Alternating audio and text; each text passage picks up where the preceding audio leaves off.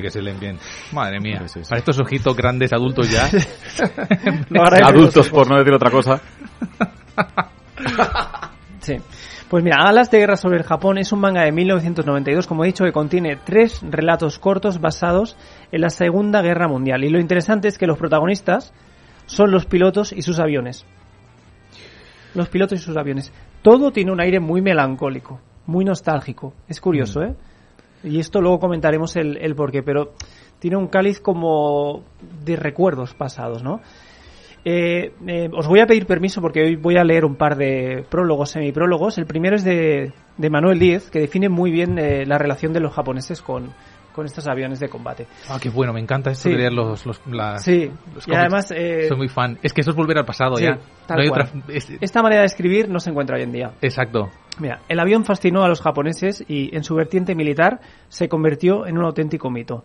Se sintieron unidos a él como los vikingos los tuvieron a sus barcos o los vaqueros a sus caballos.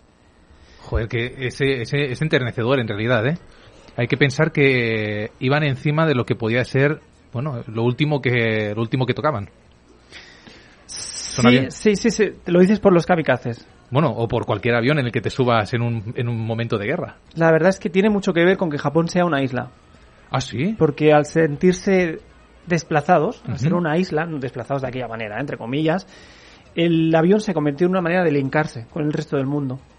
Ah, Recordemos que el avión tampoco es un, un invento tan, tan antiguo, ¿eh? Hmm. O sea, es más bien moderno. Sí. Y era una manera de, de, de linkarse, aparte de, de, la pasión que tienen los japoneses por todo lo que sea maquinaria, bueno, ya sabéis, Miyazaki. Sí.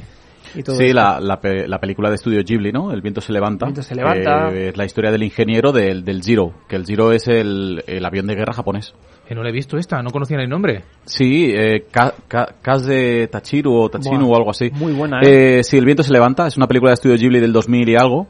Y ya te digo, te, puede interesar, ¿eh? Si te, si te, gusta este tema. Pues sí, sí, sí, me gusta.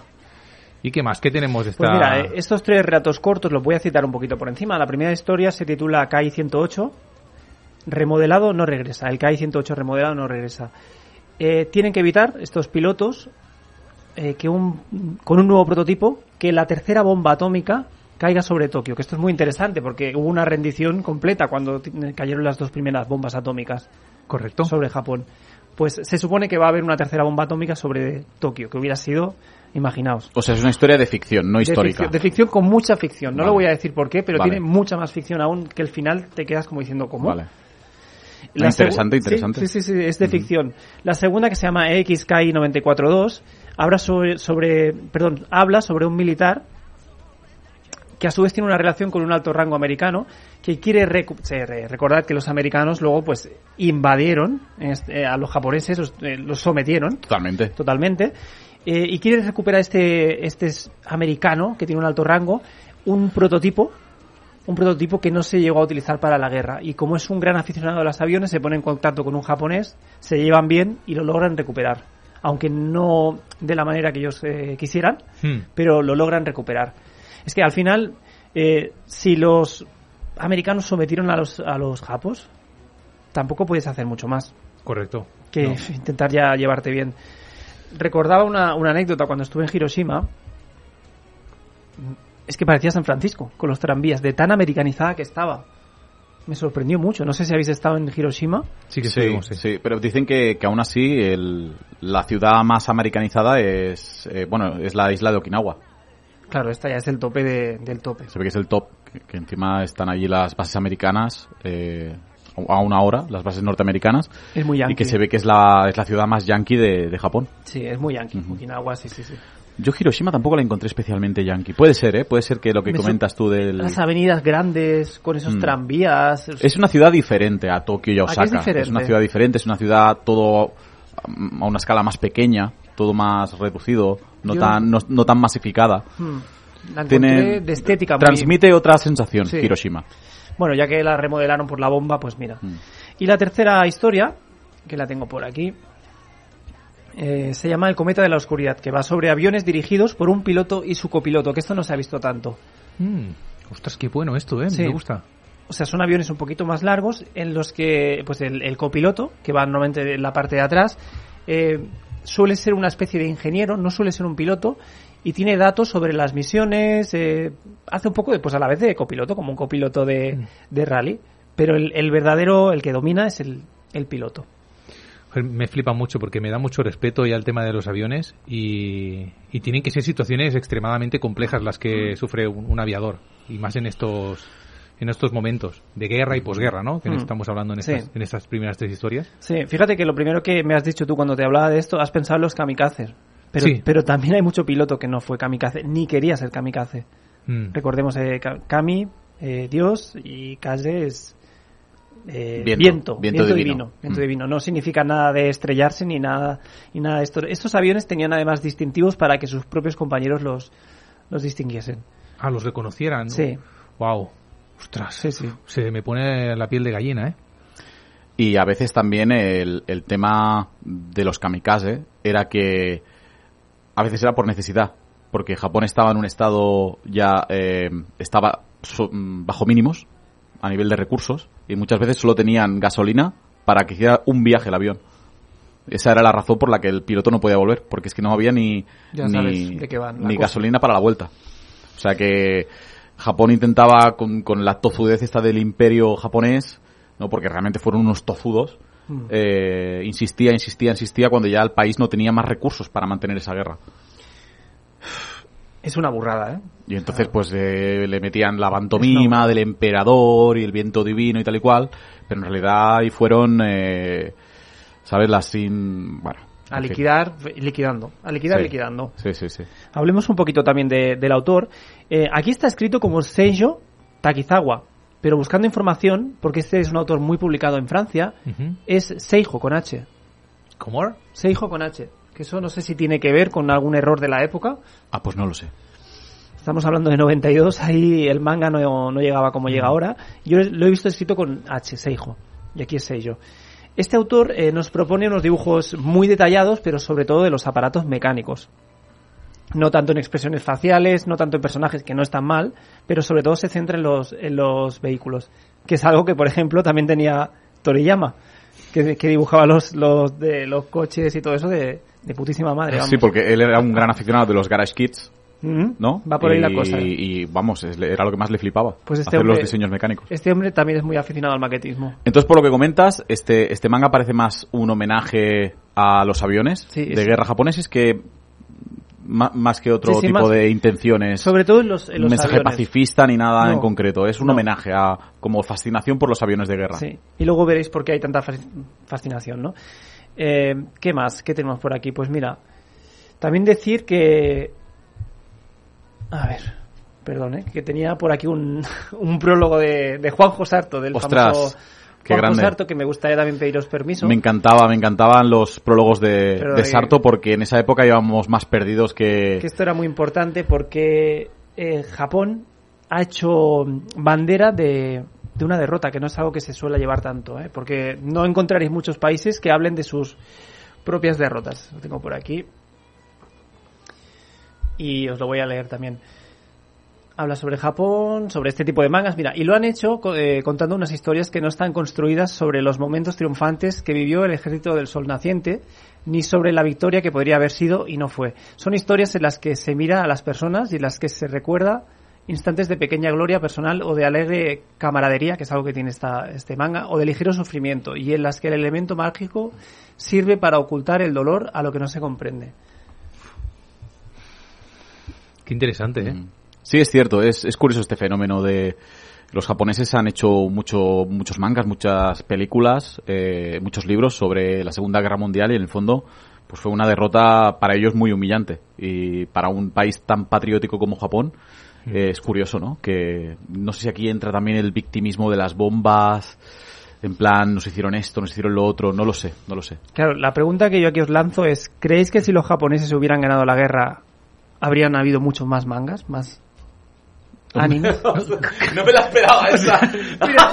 pensadlo, pensadlo. No me la esperaba esta. es que es un programa de manga, ¿eh? Claro, claro. un programa de Yo creo que no. A ver. Yo creo que no. Yo creo que no porque precisamente eh, el imperio japonés tenía este estas ansias expansionistas, ¿no? De, por ejemplo, se, se quería, tenía media Asia conquistada Y, por ejemplo, esto lo podemos ver en, el- en la serie esta que te recomendé de, creo que es de Prime. Eh, Sí, la empecé The- a ver. The Man of the High Sí, Castle. El hombre del castillo. basada en una historia de Philip K. Dick, Sí. que es, es un futuro alternativo en el que los alemanes, los nazis y los japoneses ganaron la guerra. Entonces se repartieron Estados Unidos como un pastel, la mitad eh, del imperio japonés y la mitad de, de, de los nazis. Y podemos ver, por ejemplo, en, San- en- en- en- eh, por ejemplo, en San Francisco, pues, o en California, simbología nazis, básticas o, o al revés, ¿no? O de símbolos del imperio japonés.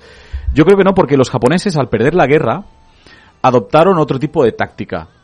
Eh, pues ellos eh, quisieron imitar un poco a los americanos eh, a nivel de, de expandirse culturalmente a través del cine y ellos pensaron pues en, es lo que le llaman el soft power es lo contrario de, de los conflictos bélicos es eh, expandir tu cultura invadir culturalmente otros países a través pues por ejemplo del manga Mm. entonces yo creo que el- esta derrota eh, hizo que Japón pues eh, tomara unas políticas ya de un caliz pacifista y se enfocara en este pues por ejemplo en el, en el manga o en los productos audiovisuales japoneses que ahora pues ya están globalizados, ya tienen un Sí, fama sí, sí. mundial. O sea que yo creo que, que no necesariamente, quizás Claro. al haber perdido pues eh, le han dado más importancia a este aspecto. Vale. Ya que no podemos eh, ganar a los americanos, vamos a ganarnos su corazón. No sé si me explico. Sí, sí, sí.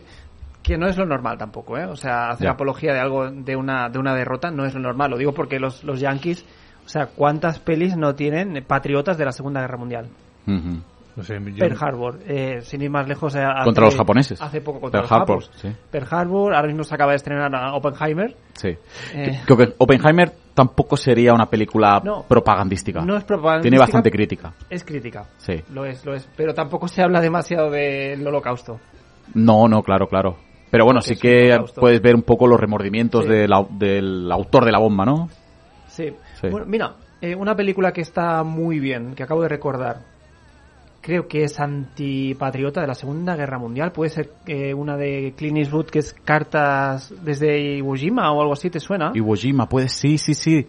Exacto, me suena, me suena mucho, pero o la he visto hace muchísimos años o, o ni la he visto. Yo la he visto hace muchos años y acabo de caer ahora. Sí, Y es un poco el mensaje eh, contrario, es decir, que estamos siempre metiéndonos en guerras y, y matando... claro, es que eso ya depende del cineasta. ¿Sabes? En, Estados Unidos también hay cineastas pues de ideas más de derechas o más de izquierdas, Sí. más pacifistas, más belicistas, entonces dependiendo de, de las ideologías, pues una película te transmite unas ideas u otras. Sí, depende de la ideología del, del autor. Y antes de pasar a las curiosidades que me he saltado un poquito del autor, decir que el dibujo, he estado viendo obras actuales que, que las publican en Francia. Eh, la narrativa sigue siendo muy buena. El, el estilo anterior, eh, en cuanto a personajes, me recordaba a Otomo. Mm. A Otomo, de, de primeros planos a Otomo. Y un estilo un poco europeo, también, es decir, ¿eh? Y hoy en día sigue dibujando con plumilla, pero utiliza mucho más el ordenador. Es curioso. Sí, sí. Es lo que tiene. Sí, sí, sí. Y dibujaba Soyo en el pasado. Le gustaba mucho el cine, las maquetas y dibujaba Soyo para fanzines. Ostras, ahí me has matado. Sí, Qué pasada, ¿eh? Soyo, sí, sí, sí. Es curioso porque el tema bélico no es para nada, y le encanta el tema bélico a este hombre, ¿eh? Y no, no es para nada... Sí, sí. Ay, me flipan estos cambios. No sé cómo, bueno, ya lo tenemos preparado un especial para esta semana también de, de Inio Asano. Eh, y es un tío que es exactamente igual, que es que puede tratar temas muy variopintos y ponerse en los papeles de las personas de una manera que es que no, no entiendo cómo puede hacerlo. Una empatía o algo que tiene que tener, pues en este caso pues Sí. es lo mismo. ¿Cómo puede conectar con ciertos temas de esa manera? Porque te gusta mucho y en lo que te gusta vibras. Joder, Pedro, tío. Es que no, es verdad. me, me- me saco el sombrero. No, ha sido una frase lapidaria como la del bien contra el mal. Lapidaria, ¿eh? Sí, sí, es la que leyendo la última saga de JoJo's, que yo Sí. dije estoy bien contra el mal, le hice una foto al, al manga porque sale lo del bien contra el mal. Dije, no puede ser. Me adelanté a su época. Claro, claro. En el fondo estaba resumiendo perfectamente la historia en general de Jojo. la batalla del bien contra el mal. Tan fácil como eso. Pues mira, ahora sí que paso ya a las, a las curiosidades. Decir por qué le gustaba tanto el maquetismo y están tan, tan detalladas las, eh, pues las aviones, ¿no? Está publicado en la revista Model Graphics, que es una revista de maquetismo. Bueno, de maquetismo. Y ¿sabéis quién publicó en este su manga, en este en esta revista? Hayao Miyazaki con Porco Rosso. Mm. Hayao Miyazaki, otro grandísimo aficionado de los diseños mecánicos. Sí, sí, Por sí, ejemplo, En, en esta de Porco Rosso, el, el amor que le profesa a los hidroaviones y sus diferentes variantes es espectacular. Sí. O sea, está, están detalladísimos. Es, es lo que tú dices, se nota amor. Amor, amor, es Por- pasión, esta pasión que sienten los este tipo japoneses de- por el maquetismo, por los garage kits, Hmm. ¿sabes? Esto les flipa y lo transmiten a sus obras. Siempre está Miyazaki también pues, con Zeppelin, con... Sí, sí, le encanta, le encanta. Le encanta, es algo que le encanta. También decir, eh, pues lo que ya he comentado, ¿no? que, que en Francia se, se publican varias obras y que la película de la que hemos puesto el tema, que es Tora, Tora, Tora, yo pensaba al principio que era Tigre, Tigre, Tigre, porque es un grito de guerra de tigre o de sorpresa. Hmm. Y no tiene nada que ver porque viene de, de Totsugeki, que es ataque, y el Ra es de Raigeki, impacto de torpedo. Es el ruido que hacían al, al caer, no es el grito de guerra. Es como una onomatopeya. Sí, Vale. sí, sí, sí, no es el grito de guerra. Yo también pensaba que, bueno, porque Tora es, es, es tigre, pues no tiene nada que ver. Pensaba que era porque esos aviones a veces les pintaban rayas, así para ser como más que causaran más impacto, que, que diesen más miedo cuando tú venías, de- estabas en ese portaaviones y ve- veías venir al, al avión, pero no, no tiene nada que ver. Y que si algún día queréis hablaremos también de esta película, porque hubo mucho, mucho follón. Kurosawa le dijeron que un gran director americano iba a intervenir, y que se llama David Lean, y él grabó un montón de escenas, primero, y luego cuando le dijeron que lo habían, que no, que no era verdad, se cabreó un montón, y pidió a la Fox que lo echaran directamente. Flipa. Sí, David Lean es importante. Sí, bueno, al menos para él y, y, y Kurosawa, Mm. para América era muy importante, ¿eh? o sea, era un, un director de, Muy respetado ya. de culto, de culto. O sea, que si queréis algún día también podemos hablar de, de esta película en, en sí. Y por último, que muchos de los aviones japoneses que salen en esta película son en realidad aviones americanos convertidos. Porque en ese momento no había ningún avión de combate japonés en condiciones óptimas para, para rodar. Hola, claro que. Claro, es que. Claro, en este manga sale de...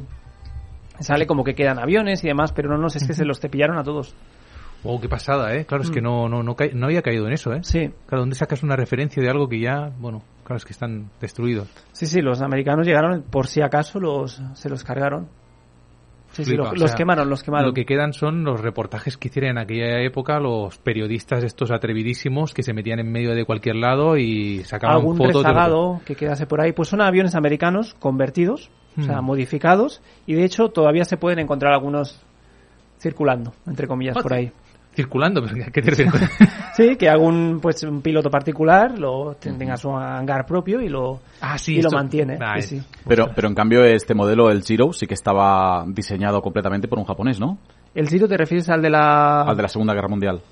Sí, sí, sí. Este sí, ¿no? Sí, sí, sí, o sea, fueron para la película que los modificaron. Ah, para la Porque película. como no quedaban aviones Vale, japoneses, vale, vale. los modificaron, cogieron Ahora se me ha ido la olla y había pensado Sí, que sí, sí. en época de guerra los japoneses, como iban tan apurados, No, no, a lo no. mejor... O sea, para rodar esta peli, como los, los americanos se cargaron los aviones, Vale. porque dijeron, los vamos a quemar todos, como no habían luego para rodar la película, tuvieron que coger americanos, modificarlos, a, o sea, modificarlos de aspecto a, a lo Ujú. Para poder rodarlo. Pero sí, sí, hay mucha polémica con este, con este film de Tora, Tora, Tora. Mm. Ya Joder, hablaremos pues, también. Vaya tres historias que, que nos trae este autor. Se, verdad es- se lee muy rápido, además, ¿eh? Mm, Bueno, no Este parece, tomo. parece finito, Mm. pero las historias son potentes, ¿eh? El primero, sobre todo, tiene mucha ciencia ficción. ¿Sí? Está guay, sí, sí. Joder, qué pasada. Oye, Oscar, que te, te veo que te comen las uñas, ¿qué te pasa? Pues nada, que es que me estremezco ya de la obra que voy a comentar. ¿Sí? Sí, sí, se me pone la, la- la carne de gallina. Pues cuéntanos, ¿qué nos traes por aquí? Pues eh, nos vamos a ir al 6 de agosto de 1945, en la zona cero de Hiroshima. Pues vamos allá. Vamos allá.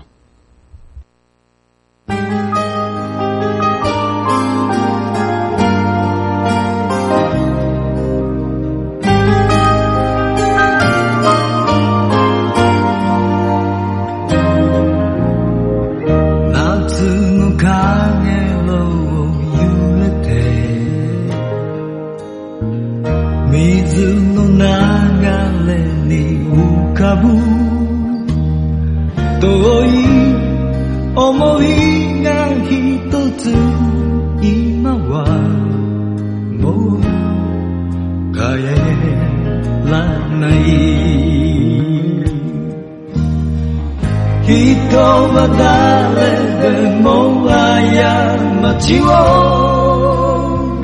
犯しながら生きてゆく喜びも悲しみも過ぎ去る預けようこの危うさは Tremendo, tremendo tema. Sí, sí, se me cae la, la lagrimilla. ¿De dónde viene esto? Las, los recuerdos de cuando la vi en, en TV3. Pues mira, tengo aquí la película de, de Hiroshima. Es la adaptación al anime. Es bastante posterior al manga. El manga es de 1973 y la película eh, la hicieron una década después. Tengo aquí la cinta. Eh, la película se llama Hiroshima, no se llama Barefoot Gen, que es eh, Gen el de los pies descalzos, ¿no? Aquí la, la obra, ahora la han llamado Pies Descalzos, es la nueva edición de Distrito Manga. En la primera de Otakulan la llamaron Hiroshima también. Mm. Luego fue, fue también editada por De Bolsillo, en 2015, no me acordaba. O sea, es la tercera edición ya. De la Bolsillo. la de Distrito Manga, que es esta edición. Y esta es la primera gordos. que tiene el nombre original, digamos, traducido de la obra japonesa. Más o menos. Vale. Por- porque el, el nombre original sería Gen, el de los pies descalzos. Mm. Y aquí han- lo han dejado como pies descalzos. Pero esta, eh, la versión animada se llamaba Hiroshima. La sacó Manga Films en, en 1994. Eh, es el primero de, de dos, de dos filmes animados. Ya podéis ver que cambia bastante el diseño respecto al manga. Está bastante actualizado porque el manga es muy setentero. Mm. Y aquí pues ya le imprimieron un, un, una- un aspecto más de los 80. ¿Os acordáis esto que decimos que cada época tiene su aspecto visual? Sí. ¿No? Pues aquí podemos ver la diferencia entre el manga, que es que la verdad es un dibujo bastante más feo. Pues un poco feo el dibujo de, Sí. de, de pies descalzos. Claro, tú empezaste por sí. el anime, ¿no? Eh, sí, yo lo primero que vi de, de, Barefoot, es- de Barefoot Girl lo vi en TV3, cuando la, emitieron en catalán, Qué grande. esta película. Sí, Qué sí, sí. Es una película muy dura, muy lacrimógena, eh, pero es, es muy bonita de ver también. Sí. Y bueno, supongo que ya sabéis de qué va. Es la historia de Gen, Gen Nakaoka, es un niño de, es un niño de, de primaria que sobrevive a, a la bomba de Hiroshima, que creo que era la em, Little Boy. Little Boy creo que era. La Little Boy. Sí. Eh, la bomba cae en, en el cielo de Hiroshima el 6 de agosto de 1945, como hemos dicho, y prácticamente toda su familia fallece. Solo sobrevive su madre, uno de sus hermanos, y entonces a partir de ahí es la historia de cómo Gen pues se tiene que buscar la vida, porque su madre está embarazada, acaba de nacer eh, su hermanita pequeña, Tomoko, porque nace prematuramente debido al estrés, y tiene que cuidar de su madre, de su pequeña hermanita y de otro hermano que tiene por ahí perdido. Y pues es básicamente penuria tras penuria. O sea, vemos que la guerra saca la, peor cara de la gente. Y, y claro, en un Japón devastado, eh, sin recursos, sin comida, en el que no hay nada, pues sobrevivir, el simple hecho de sobrevivir es una, es una odisea. Y aparte que es una obra que, así como comentamos que en Oppenheimer eh, obvian bastante el- el- lo que es el, lanzamiento de la bomba, porque no se centra en eso, se centra más en, el proceso de fabricación. Aquí vemos que sí, aquí se recrea muchísimo con la gente cayéndose la piel a cachos, eh, con la cara llena de, de larvas, de las infecciones. eh, vamos, tiene escenas muy crudas.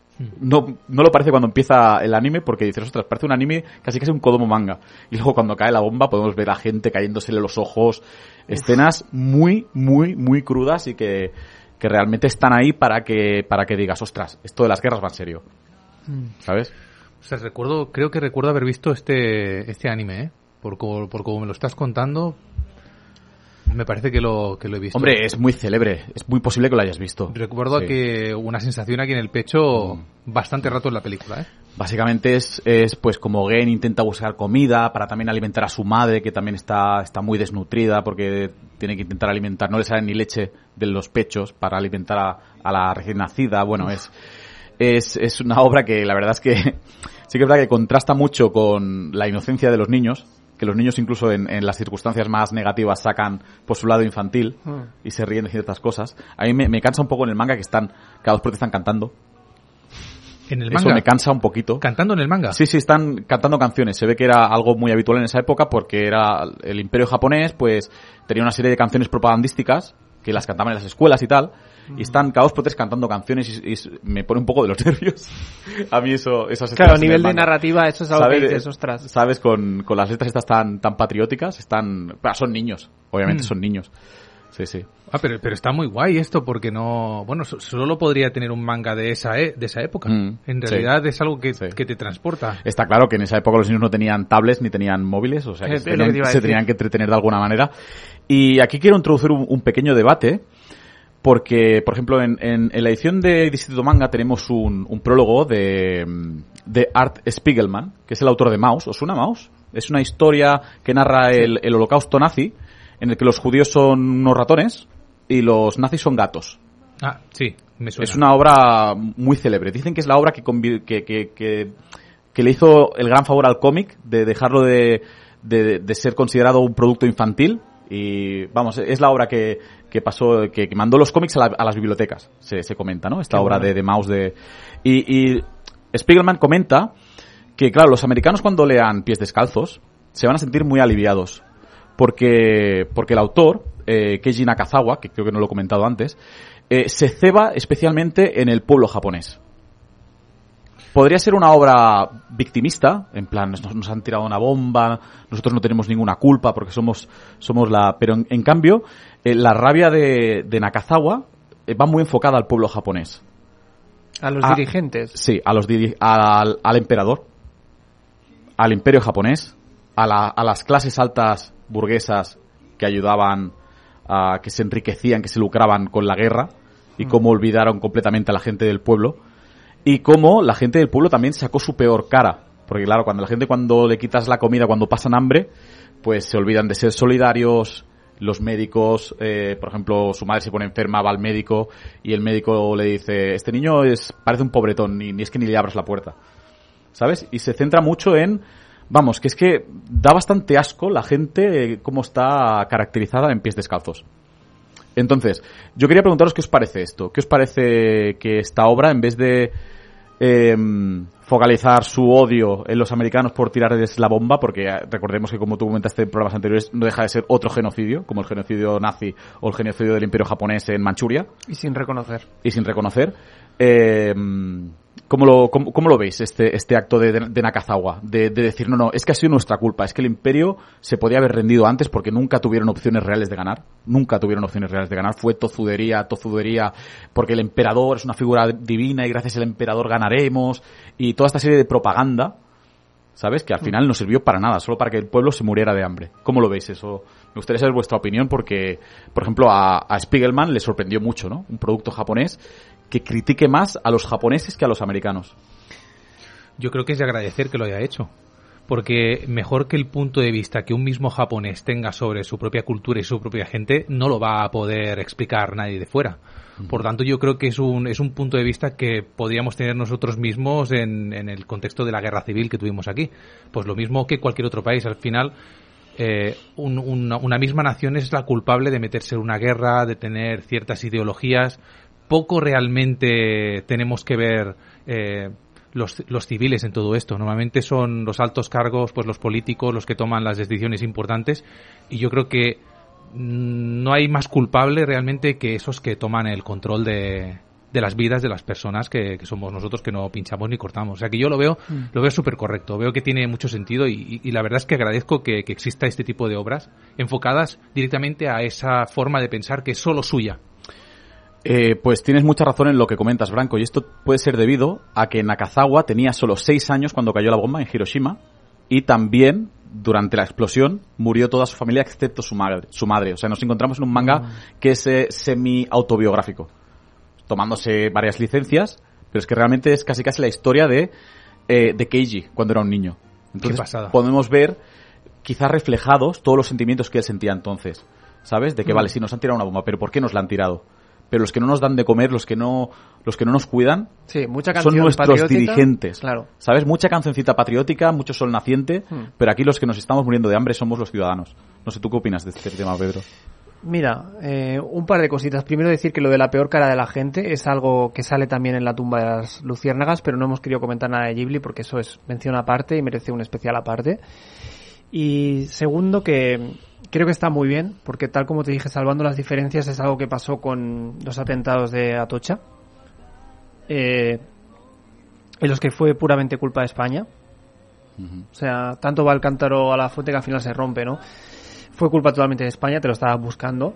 Y sí, está muy bien meterle caña también, y que la culpa fue de los americanos, está muy bien meterle caña a, a lo, tal como dice Branco, es que te lo estabas buscando, sabes que no puedes ganar esa guerra.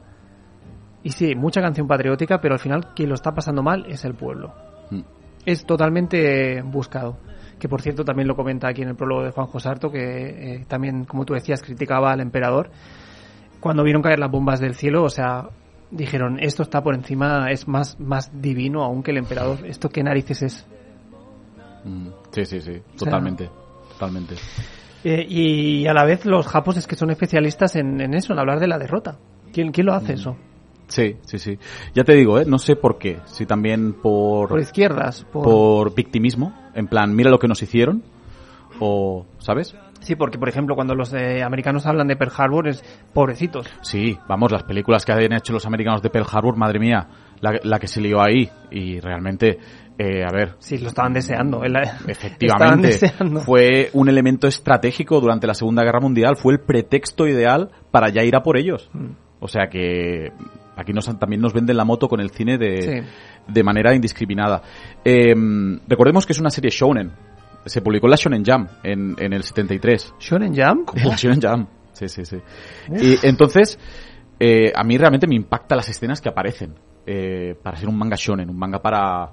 Yo supongo que, es- que la, la, la intención de estas escenas es concienciar un poco a la gente, eh, pues, eh, y darles un, vamos, una hostia de realidad de cómo era la guerra, pero es que realmente hay escenas, eh, pues, por ejemplo, Gen conoce a una niña y a la que le mira la cara es que se le está cayendo la cara a cachos, y una niña que quiere ser actriz. Dice, ¿puedes buscar algún espejo? Es que me quiero ver, que, que es muy guapa, no sé qué, que, que quiero ser actriz y cosas así, ¿sabes? Sabiendo que tiene la cara... Eh, exacto. O, o que a veces Gen, para, para ganarse, mm, bueno, un poco de arroz, eh, se encuentra un, encuentra un curro que es cuidar a, a un, bueno, a un señor burgués que, que está completamente calcinado por la bomba y se lo comen los gusanos. Uf. Y huele tan mal que su familia no se acerca, no se acerca a, a- vamos, a menos de 10 metros de él. Buah. Entonces meten ahí a Gen en plan, si lo cuidas yo te pago lo que quieras y, o sea que vemos escenas muy, muy, muy crudas para ser un manga shonen. Sí, sí. No es lo muy hubiera dicho sorprendente nunca, en ese sentido. Sí. No lo hubiera dicho nunca. Imagínate dónde estaba el nivel de los shonen en aquella época. Esto claramente no entra dentro de la categoría que para nosotros es shonen. Sería un shonen seinenizado, a lo mejor. Sí. Que, no, Sí, que, sí. que tampoco, tampoco, Sí. es que no sería ni un seinen shonenizado. O sea, no, no, Sí. no, yo creo que es claramente un, un tema que no... Claro. A ver, el protagonista Gen es un niño. Eh, por ahí también vemos que, que muchas veces eh, la edad del protagonista también te da a entender a qué público va, dedicado eso, ¿no? Pero sí que es verdad que, que Nakazawa se ha esforzado mucho en mostrar los horrores de la guerra, pero de una manera muy explícita. En cambio, tam- también vemos, como, como os he comentado, pues eh, el contraste este de, de- de la cruda realidad, lo que está pasando. Japón está devastado, están invadidos. eh, por ejemplo, cuando tiran las dos bombas, eh, pues anuncian por las radios la rendición incondicional Hmm. Y podemos ver a, a todos los militares llorando. En cambio, los niños eh, eh, están bailando y, y riéndose en plan, por fin ha acabado la guerra. Tú dirás. ¿Sabes? Claro. O sea, vemos este contraste de, de- de los niños que al final son niños y siempre tienen eh, pues la, la esperanza esta, la inocencia que tienen los niños y, y vemos cómo contrasta con el, con el lado este tan oscuro de la guerra. Que por cierto, cuando se anuncia su rendición, eh, si no recuerdo mal, el emperador habló por la radio, ¿no? Que era una figura divina. Sí, sí. Y eh, que de hecho es muy característico porque los niños dicen, ¿y este quién es? ¿Y este quién es? ¿Sabes? ¿Cómo y, el, y, el, y el profesor le dice, dice, impertinente, que está hablando el emperador. Pero eso a los niños se, las tra- se la trae floja. Claro. es ¿Sabes? que- Es, es que es en plan, no, no, es que lo estamos pasando tan mal por culpa de este parguela. claro. ¿sabes? O sea, Claro. y aquí hay una crítica muy que también para el, para el japonés, eh, los japoneses son un poco como los británicos en ese sentido, sienten mucha admiración hacia el emperador o hacia la- los monarcas, cosa que aquí en España no pasa tanto. No les tenemos tanto respeto a nuestros monarcas, ¿no? No por esta zona, quieres decir, ¿no? bueno, y por varias más, por varias más de España. Sí, Eh, Keiji Nakazawa sí, está vivo. yo creo que sí. Ya no digo por edad, te lo digo por el tema de las de las radiaciones y todo esto. Eh, pues eh, yo creo que sí. Mira, pone que en 1961 se mudó a Tokio para, eh, para convertirse en mangaka y ha publicado varias obras centradas en el holocausto nuclear y no me consta que haya muerto. tenga- Como, como sí que murió Ken Ishikawa de Get a Robot, que se me olvidó decirlo en el programa. Ah. Ese sí que falleció en el 2000 y algo. Y a Branco también se le ha olvidado decir algo antes. Me mirabas con esa carilla de... ¿Da tiempo, Branco, de que comentes lo que querías decir? No, ya no da tiempo. Vaya. No. Pero Vaya, sí hombre. que da tiempo para agradeceros este pedazo de programa que nos hemos marcado de eh, Segunda Guerra Mundial. Me flipa que incluso dentro de las penurias y la tristeza que tiene y la crudeza que tienen estos mangas que me habéis traído, eh, pues nos la hayamos pasado bien. Yo personalmente me lo he pasado muy bien. Sí, sí. Yo estaba, tengo que admitir, estaba a punto de llorar. Estaba sonando la música de Hiroshima de fondo y estaba explicando cosas y me estaba, se me estaba cayendo la medio de la lagrimilla, ¿sabes? Pues es, es lo que le va a pasar a cualquiera que, que, lo, que lo lea, ¿eh? Entonces, eh, de nuevo, muchas gracias a ambos. A ti, Branco. Muchas Gracias, gracias a todos los que estáis ahí eh, escuchándonos eh, con esos auriculares. Espero que teniendo un orgasmo eh, auditivo. Y muchísimas gracias por estar ahí. Nos vemos en próximos programas. ¡Hasta luego!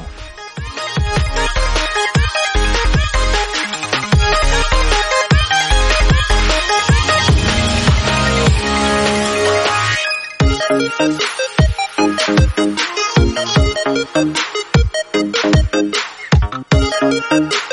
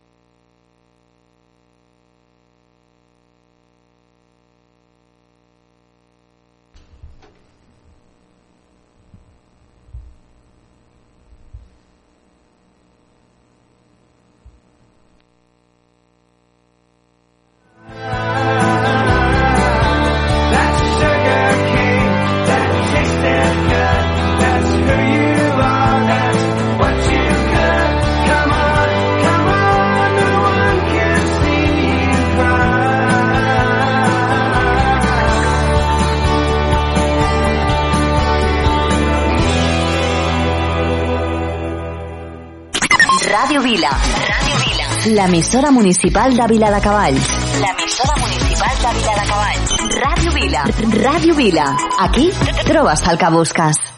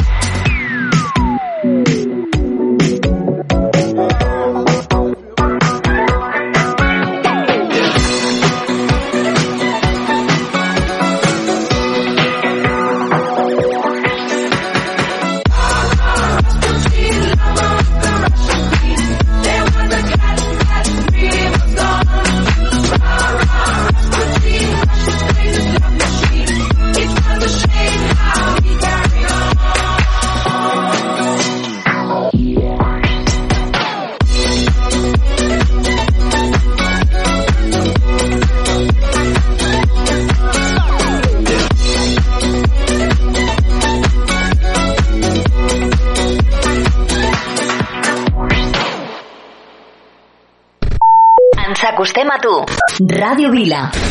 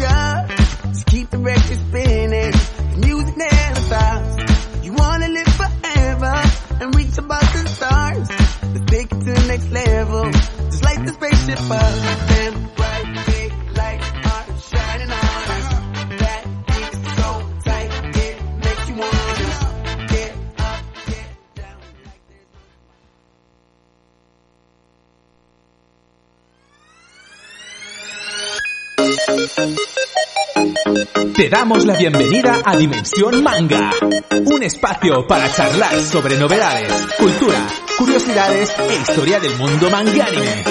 Con los maestros Pedro López, Óscar Ulloa y el eterno aspirante otaku y un servidor, Branco Fuenzaleda. ¿Has visto algo de otra dimensión?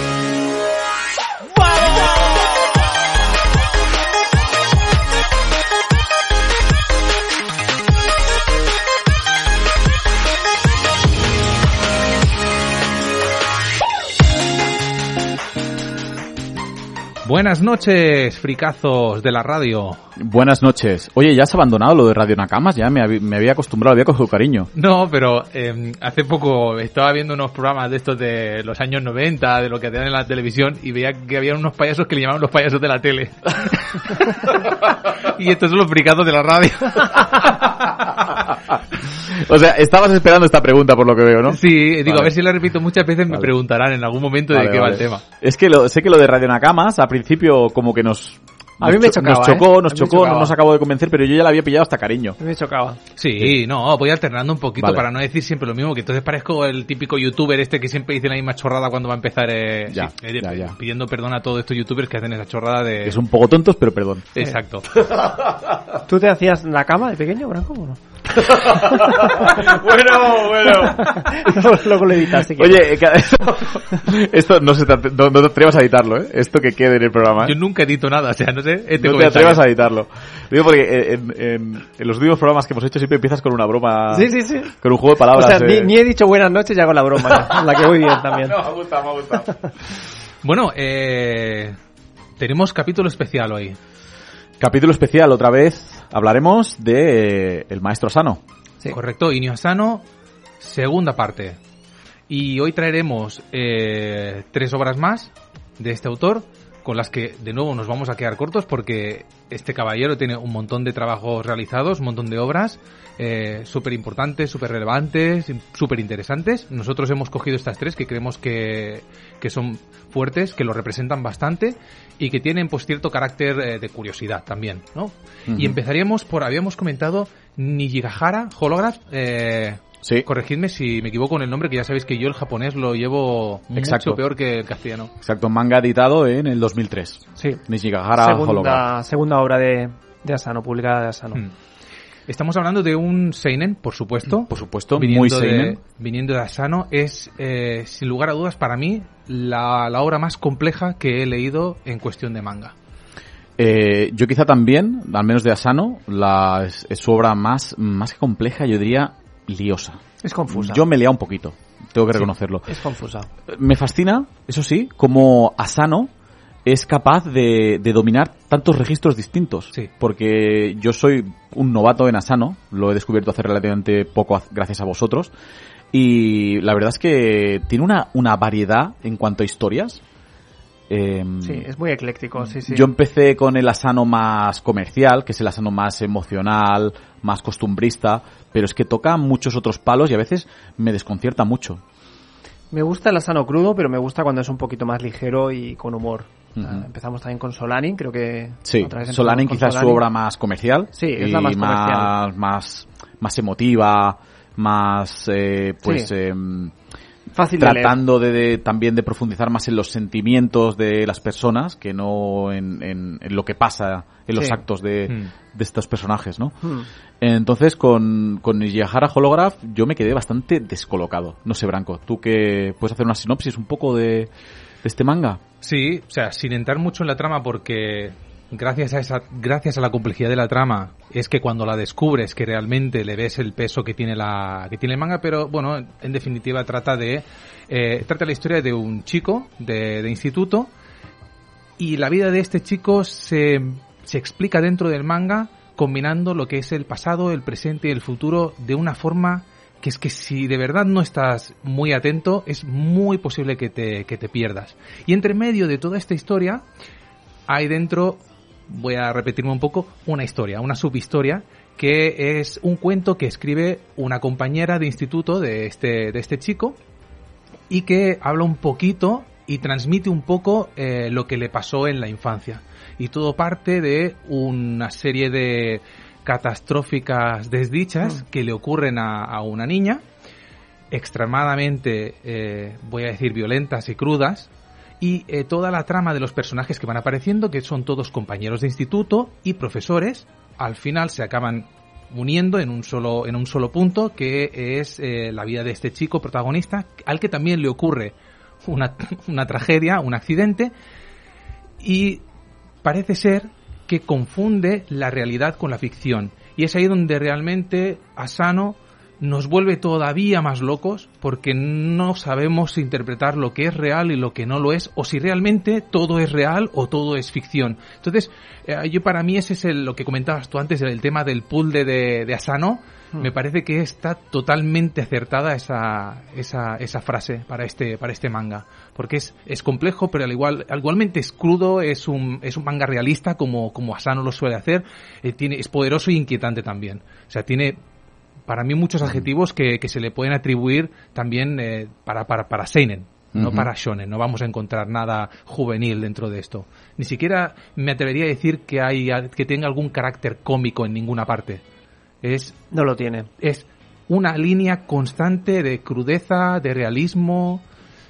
Lo has Pues- explicado, perdón. Yo, perdón, no, no, que no hubiera sido capaz yo de explicarla también. Es lo que me he decir. quedado flipando porque a mí la sensación que me dio cuando me leí este manga era que eran una serie de eventos, eh, pues en momentos dispares en el tiempo, ahora pasado, ahora futuro, eh, no necesariamente conectados entre sí y con una conclusión final muy poco clara. O sea, es una obra como que te hace trabajar mucho como lector. Te pone ahí una serie de elementos y te, te dice, Asano, ordénalos, organízalos. Hmm. Y a veces, pues depende en el mood que lo estés leyendo, se te puede hacer un poco bola. Que es lo que me pasó a mí. Al Sí. final la conclusión tampoco, tampoco me pareció que estaba demasiado clara. De hecho, Nishigahara la publicó Ponemon en 2009 y pasó desapercibida, Hombre, tal cual. Y en 2014 Milky Way la rescató y entonces tuvo muchísimo éxito. La, la pega que le veo a mí de las obras que menos me gustan de Asano, todo y que es la más la que les, le, cat- le catapultó también. Luego llegó Solanin, que ¿Ah, sí? ya fue el, el boom. No lo había hecho nunca, ¿eh? Eh, yo veo que salen demasiados personajes a los que les dejan poco espacio, con lo cual no te acabas de enterar bien de todos ellos. Eh, los saltos temporales son un poco liosos. También empieza por el final y no lo sabes. ¿Realmente lo quería hacer así? ¿Realmente eh, le salió así? Yo creo que sí. Yo, yo estoy casi seguro que, que todo lo, lo tramó antes de, de empezar a escribirlo. Y hay un apunte dentro del, del manga, que es un comentario suyo, que para mí es bastante acertado, que dice, creo que nunca podré dibujar nada parecido. No sé si alguien ha dibujado realmente algo parecido a esta, a esta obra. Pero yo creo que es porque yo creo que hasta el mismo se hizo, se hizo la picha un lío. ¿eh? sí, sí. Claro, está bien decirlo, ¿eh? Yo en mi segunda lectura me encontré a todos los personajes, sí que hice ciertos apuntes, eh, escribí quién era quién, eh, saqué fotos incluso con el móvil. Este es este Ojo, personaje de lo gran- que he comentado. Deberes que te pone a sano como lector. Claro. Totalmente. Pero es que, claro, quería entender la obra. O sea, no quiero decir que la primera lectura no me gustara. Me gustó mucho lo que fui entendiendo, lo que fui interpretando, pero cuando llegas al final y lees el, el- el triste final que tiene, la, que tiene este manga, y no voy a desvelar nada porque es que es triste toda la obra, no es que el final sea, sea triste, diferente. es Es, triste. triste en general toda la obra. Y no quiere decir por eso que no sea menos interesante ni que no sea, que sea menos buena. Quiero decir, cuando llega a este final es cuando me genera el suficiente interés para releerme la obra entera y ahora sí, Hmm. haciendo foco en los personajes y, y seguramente, Pedro, si hicieras una relectura también centrada en esto, te darías Hmm. cuenta que el presente, del fataro- el presente, el pasado y el futuro combina exactamente los mismos personajes una y otra vez. O sea, digamos que no es que esté, no es que sean personajes que aparecen eh, Ya. al azar, sino que son todos eh, Ya. recurrentes en el presente, en el pasado y en el futuro. Y bueno, yo creo que esa es la parte interesante de la obra también. Creo que eh, de lo que posiblemente carezca y en lo que es muy bueno Asano, eh, al igual que Hideaki Anno, es que tiene una psicología de los personajes con las que te puedes identificar. Y aquí no, no me acabo de identificar con ninguno. Pasaba con Soranin, Hmm. eh, momentos vitales, eh, y pasa con, luego hablaremos de Pum Pum. Pero aquí no, no ocurre. Es un, se parece a la de la chica a la orilla del mar, creo que era así, Mm. si no me Mm. equivoco. Son personajes más fríos con los que cuesta identificarte. Mm. Es una historia, simplemente una historia con tintes de thriller, eh, salen suicidios, violaciones, es dura. Sí, Es dura. Es explícita. Es explícita y estos viajes altos temporales son los que no acaban de... Eh, las mariposas son muy importantes, ¿por qué, Branco? Sí, bueno, porque re- representan algo dentro del manga que hay que entender. Aparecen en momentos puntuales, de formas diferentes y cada forma pues también tiene cierto, cierto significado. De hecho, poniéndonos a estudiar toda la, todo el manga entero, descubriríamos que incluso cada viñeta está compuesta de una manera determinada para entender qué es lo que tiene que venir, qué es lo que pasó o qué es lo que está pasando en ese momento. Pero bueno, ya lo, lo que es lo que digo, creo que me faltaría una tercera lectura Hmm. y aún así no podría entenderla porque necesitaría diferentes personas con perspectivas diferentes de la vida y experiencias diferentes para que eh, pudieran absorberlo de la manera que corresponde. Por Sí. eso a mí me sorprende la forma en cómo este, este autor es capaz de ponerse en pieles tan, tan dispersas, tan, tan diferentes, tan dispares, no- y, y- y lo hace con, con- tan bien. Porque me lo, me lo acabo creyendo, me creo esa, esa- ese comportamiento. Y creo que en lo que comentabas, Pedro, que es que tampoco acabo de conectar directamente con ninguno de los personajes porque son historias muy tristes. Yo pues, soy, un, soy una persona que le ha pasado todo lo bueno que le pueda pasar a una persona en la vida, le está- le- me, me está pasando. Incluido este, este programa en el que estamos, en el que estamos hoy, ¿no? Pero sí que hay un personaje concretamente que me da mucha pena, que es este, es la típica persona que intenta complacer a otra de todas las maneras posibles y esa otra, bueno, y nunca se ve correspondida. Ese esfuerzo eh, desmesurado que hace durante toda, de toda la historia y nunca consigue ser correspondido, la verdad es que me, me empatizo en un sentido que conozco gente así, que es de esa manera, y me entristece que sean esas personas de esa manera también. ¿No Es- hablas bueno, de la mujer y el marido? No. No, hablo de una, una compañera del instituto de él, Vale, vale, vale. que tiene, que, que a, él, a él le gusta, Esta que está tan enamorada de él que, que es, vamos, es capaz de rebajarse a hacer cualquier cosa para tenerlo contento. Exactamente. Eh, mira, tengo aquí un par de un par de reviews de, de publicaciones americanas porque tuvo mucho éxito en Estados Unidos. Por ejemplo, en, en, en Publishers Weekly eh, dicen que es un manga oscuro y retorcido. Una, una historia de terror psicológico oscura y retorcida. O sea, yo creo que lo define bastante bien. Y luego también tenemos aquí a Hilary Brown de, de la publicación Paste que la- lo ha comparado con la película El efecto mariposa. ¿La habéis visto? Sí. Está muy bien esta película. Sí. Creo que ayer estábamos hablando de esta película. Sí. Eh, y pone, es un manga interesante, un poco frustrante y con unas líneas temporales muy complicadas y grandes revelaciones. Mm, Yo creo que lo define bastante bien. Hmm. No sé Pues- qué opináis. Estoy, no estoy muy de acuerdo casi ninguna de las, Porque creo que si yo he podido entenderla, que soy bastante negado para entender todas estas cosas, es que seguramente lo puede entender cualquiera. Lo que pasa es que sí que requiere una segunda lectura o incluso una tercera lectura, que a lo mejor pues no a todo el mundo le apetece hacer eso, pero hay mangas que a lo mejor lo requieren. Y es que a lo mejor este manga debería haber marca- marcado un precedente en cuestión de cómo trabajar este tipo de mangas, porque no lo he visto de otra, de- en, en otros sitios. Sin embargo, cuando en esta segunda lectura he visto que sí, que está todo bien encajado, que está todo bien formulado, que se entiendes bien las cosas, el tema del efecto mariposa para mí no tiene nada más, o sea, no tiene nada más que ver que, que aparezcan mariposas dentro del dentro de la, de la historia, pero no, no tiene nada que ver realmente con el efecto mariposa. Bueno, yo creo que, que sí. En, en- yo creo que se refiere a las diferentes líneas temporales, viajando pasado, futuro. No. Eso también está muy presente. Que, que, que los, los eventos están narrados de una manera no lineal. Yo creo que se refiere a esto. Que en ese sentido sí que so- serían bastante comparables. Porque los, los dos productos son.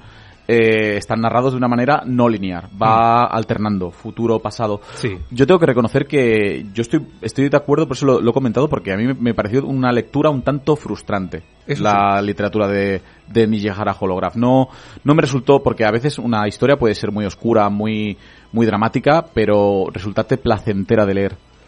¿Sabes? Por ejemplo, eh, cuando hicimos el programa de la Segunda Guerra Mundial la semana pasada, eh, Bueno, lunes, fue el lunes de esta. este lunes, Sí. Pues por ejemplo hay obras de la Segunda Guerra Mundial que son muy crudas, pero te producen un, te pueden producir satisfacción al leerlas. Y a mí me, transmitió una sensación de frustración al leer Nishigahara Holograph. ¿Sabes? A veces la encontré un pelo gratuita, que a veces según qué escenas tampoco las encontré demasiado justificadas. Eh, ya te digo, a mí quizá necesitaría una segunda lectura. Pero para mí no ha sido de mis obras preferidas de Asano. Para mí estaría Yo también. entre las que menos me gustan de, Sí. de él. Que, que, Sí, sí. que luego, como tú dices, tiene muchísima fama también esta obra, pero Sí, recordemos que es un tomo único. ¿eh? Lo digo yo. Sí, muchas yo, gracias, Pedro, que sí, se- sí. que se Un puede- one one shot. que se puede comprar y en las librerías está disponible todavía, pero sí que me dio la sensación, sobre todo si te lees otras, que era muy de rizar el rizo. Vamos aquí a liar la troca, como se suele decir en catalán, para bueno, hacer este tipo de... yo creo que sí. Yo creo que Asano ahí juega un poco con el lector liándolo por liar. ¿Sabes? Yo es creo la que sensación, ¿eh? hace uso de recursos narrativos un pelín retorcidos para mi gusto. Hmm. ¿Sabes? Habría que preguntarle a él, un día lo, lo invitas, Franco. Bueno, si él mismo ha comentado de que no sería capaz de volver a escribir algo así, pues imagínate. Nos está escuchando porque le he dicho que teníamos justamente el especial esta noche. Ah, vale. Seguro Vale. que se ha conectado a la, a la web de. Radio Vila y nos Vale. está escuchando en, en directo. Espero que lleve el pelo bien teñidito, como siempre lo lleva, así de rubio. A lo mejor, a lo mejor llama, eh, cuidado, a lo mejor llama. Pero sí tienes razón, el, el placer eh, de, de la lectura lo, lo recibí al final de la segunda relectura que me hice, que fue cuando terminé y dije, vale, ahora lo he entendido todo. Pero yo creo que la satisfacción, la satisfacción te vino de que por fin te lo habías acabado. Exacto, también, también, sí, sí.